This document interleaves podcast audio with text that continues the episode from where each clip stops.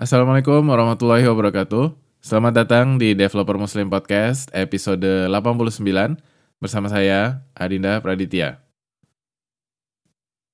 Halo, halo, apa kabar semuanya? Alhamdulillah gue baik-baik. Baru baca liputan acara Global Diversity CFP Day Jakarta 2019 di blognya Rizky Aristiansyah, salah satu mentor di acara itu gue saranin lo untuk baca karena bagus banget liputannya dan di sana juga ada materi presentasi yang bisa diunduh.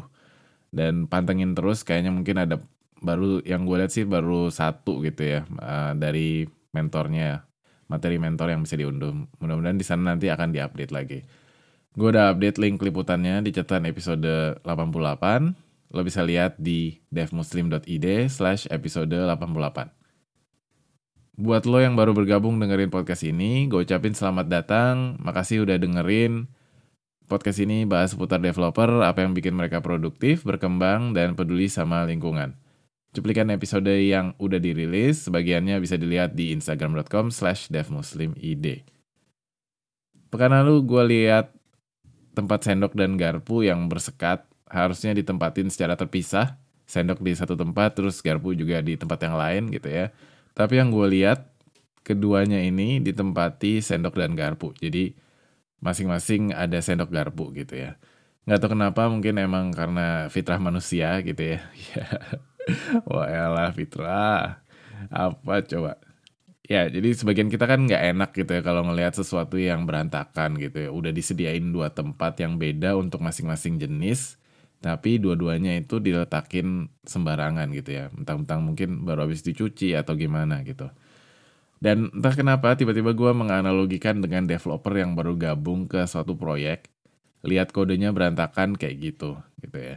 Ya kebayang gitu dialognya akan segera menyarankan untuk ya timnya minta ayo dong nih harusnya dirapihin di refactor istilahnya.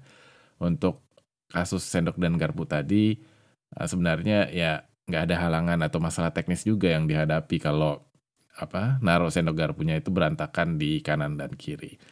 Um, karena ya semua orang bisa berargumentasi kalau user yang make itu juga bisa masih bisa untuk ngambil sesuai dengan keperluannya. Kalau mau ngambil sendok ya karena dia lihat sendok ya udah lihat tinggal cari sedikit aja gitu Ya sebenarnya nggak ada halangan masalah teknis. Karena semua orang yang lihat itu cuma perlu ambil sendok dan garpu itu masih bisa ngambil sesuai dengan keperluannya aja gitu. Dan tergantung dari basis kodenya juga. Untuk sistem yang udah berjalan lama, alasan untuk nggak melakukan apa-apa terhadap kode yang seperti itu bisa bertambah gitu dengan alasan klasik yaitu kalau nggak ada masalah, user nggak bingung ngambil sendok atau garpu, sistemnya masih berjalan, ya kodenya jangan diutak-atik lagi. Karena justru bisa jadi akan menimbulkan bug baru gitu ya. Dan ini lagi-lagi tergantung dari sistemnya juga gitu. Para apa atau keadaannya seperti apa. Dan akhirnya ya gue jepret lah sendok garpu itu dan di post di Twitter buat lucu-lucuan dan setengah serius juga sih. Permisi, sebelum gue lanjutin, ada pesan-pesan sponsor dulu nih. Dengerin ya. Silakan Mas, diputar. Makasih buat waktunya. Sekarang dengerin lanjutannya yuk. Sebagian besar tanggapan dari netizen Twitter pengen refactor karena kalau dilihat sekilas ya gampang gitu ibaratnya kalau di dunia digital ya kan tinggal Ctrl F atau Command F terus cari sendoknya pindahin terus kemudian cari garpu terus pindahin sesuai dengan tempatnya. Sebelum masuk ke perbedaan pendapat sama perlu atau tidaknya refactoring, ada baiknya kita tahu dulu apa itu refactoring. Maaf, gue belum sempat cari padanan kata yang tepat untuk refactoring ini. Gue belum research. belum research. Belum cari-cari, belum meneliti uh, kata yang tepat untuk ini. Jadi, dalam pengembangan perangkat lunak, Kode refactoring adalah suatu kegiatan dalam memperbaiki dan membangun kembali struktur kode dengan cara-cara tertentu tanpa mengubah fungsi atau kegunaan perangkat lunak tersebut atau sistem tersebut secara eksternal. Di antara caranya adalah menghapus baris kode atau fungsi-fungsi yang udah nggak dipakai lagi. Karena ya nggak ada kode yang lebih baik daripada kode yang nggak ada gitu. Jadi kalau misalnya kodenya ada, tapi nggak buat ngapa-ngapain itu kan pasti lebih apa secara ukuran itu kan lebih besar dan nggak efisien kan. Jadi kalau misalnya kodenya nggak ada itu akan lebih baik daripada kodenya ada tanpa melakukan sesuatu gitu. Cara yang kedua di antaranya adalah uh, mencegah eksekusi fungsi atau baris-baris kode yang berulang. Jadi um, lebih efisien gitu kan, uh, dan lebih jelas juga dan bisa dipahami lebih mudah. Menurut Martin Fowler dan Kent Beck, refactoring ini adalah perubahan yang dilakukan pada struktur internal dari sebuah perangkat lunak agar lebih mudah dipahami, jadi lebih mudah untuk dimodifikasi tanpa mengubah perilaku kode tersebut. Ini adalah cara disiplin untuk membersihkan kode serta meminimalkan kemungkinan terjadinya bug pada suatu program.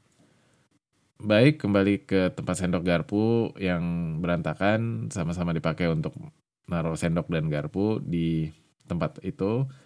Uh, maka ini jelas banget kalau kodenya perlu refactoring karena ya sendok dan garpu harusnya ya diletakin secara terpisah gitu kan.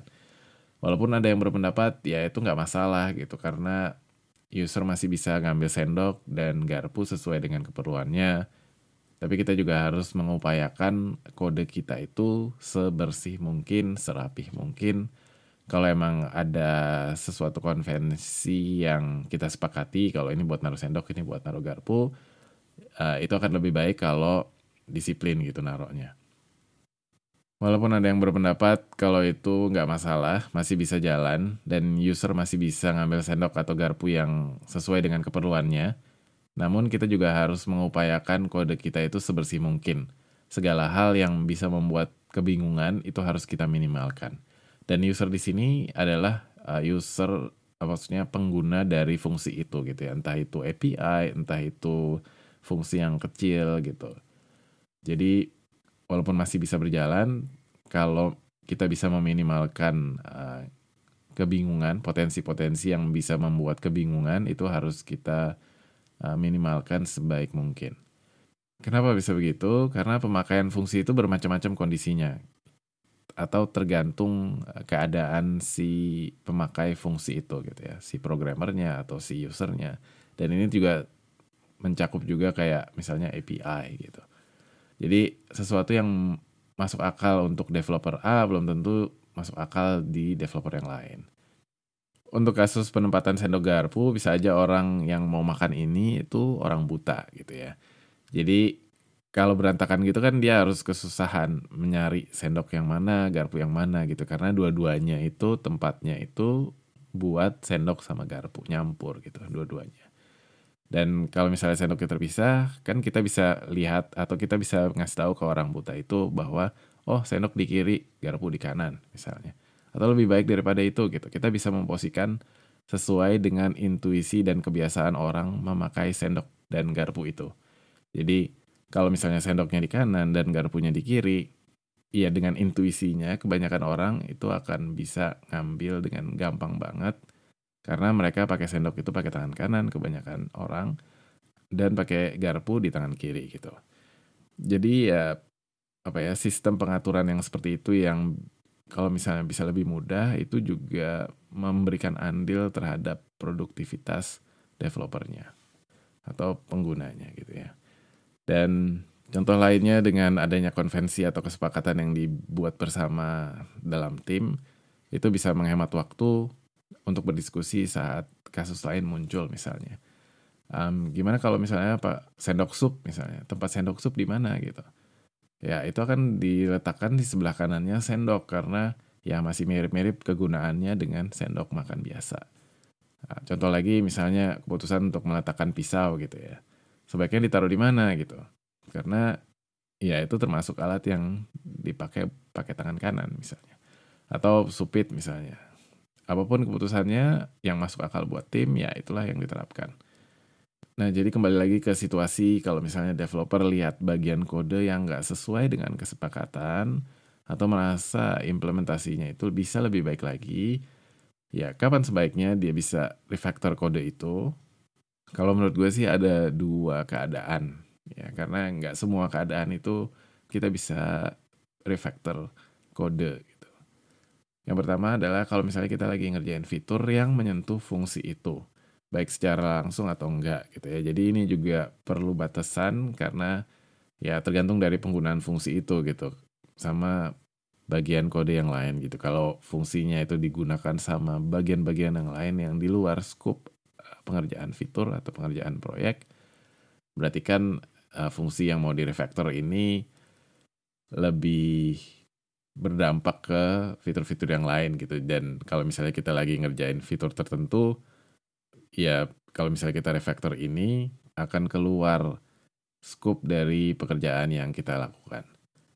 Terus yang kedua, kapan harus uh, sebaiknya refactoring kalau misalnya memang disediakan waktu yang khusus gitu. Jadi ini tergantung dari tim, mungkin ada yang bikin jadwal tersendiri untuk cari bagian mana yang bisa lebih baik lagi implementasinya gitu. Entah itu upgrade library misalnya atau ya dicarilah gitu karena ada uh, untuk kode proyek misalnya ada tool yang untuk menganalisa kode. Jadi analisa statis terhadap kode itu oh ternyata bagian ini perlu refactor gitu. Dan sebagai tim kita bisa mengalokasikan waktu untuk memperbaiki bagian-bagian ini berdasarkan uh, laporan dari kode statis tool ini gitu dan ya menurut gue sih dua dua keadaan ini sih secara umum gitu ya. Kalau lo punya usulan tambahan atau pendapat lain silahkan komentar di catatan episode ini atau kirim email. Nah saat di mana refactor itu nggak disarankan kalau menurut gue pribadi uh, yang pertama itu saat memperbaiki bug terutama bug yang lumayan kompleks, apalagi juga ditambah dengan keadaan yang mepet gitu waktunya. Jadi perlu dikerjain dengan cepat, terus habis itu kompleks atau salah satunya gitu ya. Jadi ya saat seperti ini, um, walaupun kita nemuin uh, kode yang nggak benar, ya kita jangan refactor gitu, karena bukan pada saatnya gitu. Karena kan sering banget tuh kita dengar kita benerin bug kita lagi benerin bug karena penelitian atau apa karena kita dalam menganalisa masalahnya pas lagi mecahin bug kita jadi tersingkap sama kode-kode yang perlu di refactor gitu. Karena oh kenapa kayak begini? Karena kayak begini gitu. Karena kan um, bisa jadi skenario saat bug itu diproduksi ulang gitu ya direkayasa ulang, ternyata kodenya nggak menangani keadaan yang seperti itu gitu kan. Jadi pada saat seperti ini gue pribadi kurang suka kalau misalnya ada komit yang isinya mengenai refactor gitu. Ya karena tujuan kita saat itu adalah membetulkan bug. Fokus kita berbeda dengan saat ngerjain fitur kalau memang khusus untuk refactor. Jadi fokus kita beda gitu ya saat ngerjain fitur atau ngerjain uh, pekerjaan atau kalau emang khusus untuk mencari hal-hal yang bisa di refactor gitu. Ya, berdasarkan pengalaman ada hal-hal yang terluput kalau kita refactor saat membetulkan bug. Saran gue, jadi uh, seberapa sepele pun refactoring yang bisa kita lakukan dan seberapa yakin pun refactor yang kita lakukan ini nggak akan mempengaruhi bagian-bagian yang lain gitu ya. Ya tetap aja sebaiknya jangan refactoring. Ya ini masalah apa sih uh, disiplin gitu ya jadi tetap jangan refactoring pada saat bikin bug. Ya tunda aja gitu kesempatan lainnya atau bikin catatan mengenai apa yang akan kita refactor. Begitu selesai membetulkan bug gitu.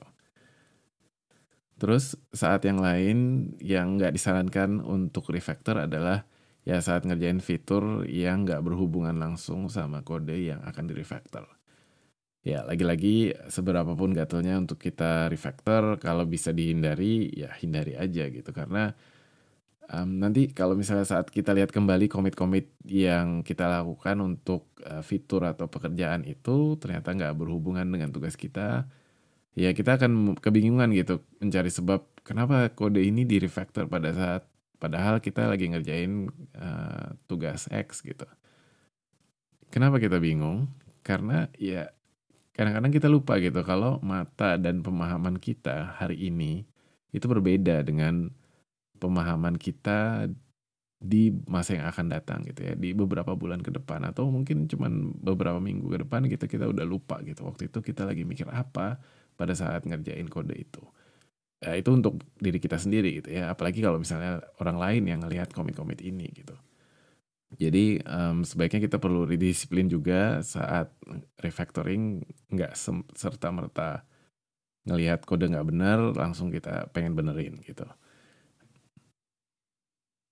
Baik, itulah sekilas opini gue mengenai refactoring. Jadi refactoring itu proses yang bagus, bahkan penting. Jangan ditinggalin karena alasan apa pun. Karena refactoring dengan strategi yang bagus bisa bikin kode kita jadi lebih gampang untuk dimengerti, yang nantinya juga akan lebih mudah kalau harus debug. Dan yang paling penting juga untuk bikin aplikasi yang lebih efisien. Namun perlu dipertimbangkan juga kapan sebaiknya refactoring dan kapan suatu kode yang gak optimal itu kita biarkan. Yang mendasari opini gue itu adalah lebih fokus ke tugas kita pada saat itu. Jadi kalau kode yang gak optimal itu dipakai di banyak tempat dan mempengaruhi area lain yang di luar scope tugas kita saat itu, sebaiknya jangan refactor dulu, atau pertimbangkan dengan lebih cermat lagi, atau diskusikan dengan teman satu tim.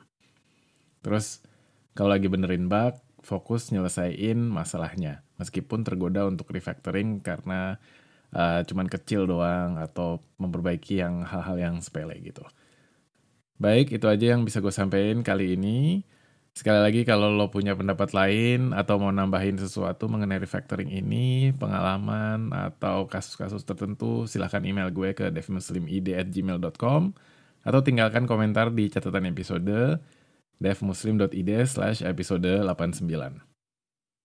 Lo juga bisa kirim pertanyaan, kritikan, saran, atau mau kenalan, atau mau ngenalin orang, boleh. Silakan kirim email atau DM gue langsung di Twitter atau di Instagram dengan akun yang sama, at devmuslimid. Kalau belum ada bahan yang mau disampaikan, lo juga bisa lihat rundown topik-topik yang insya Allah akan dibahas di podcast ini. Itu ada di GitHub. Siapa tahu muncul pertanyaan susulan atau kepikiran untuk topik lain atau pengalaman yang lo alami belum lama ini misalnya. Silakan kunjungi bit.ly slash devmuslim rundown. bi.ly garis miring dev mus lim run down. Podcast ini bagian dari Product and Development Podcast Community Indonesia. Informasi lebih lanjut bisa ke github.com slash pdpcid Podcast ini tersedia di Apple Podcast, di Google Podcast, dan lain-lain. Lo bisa lihat pilihan-pilihannya di anchor.fm slash devmuslimid. Jangan lupa kasih komentar dan rating yang bagus di aplikasi mana pun lo dengerin podcast ini. Buktikan kepedulian dan dukungan lo untuk podcast ini. Baik, gue pamit dulu. Sampai di episode Developer Muslim Podcast berikutnya, insya Allah. Wassalamualaikum warahmatullahi wabarakatuh.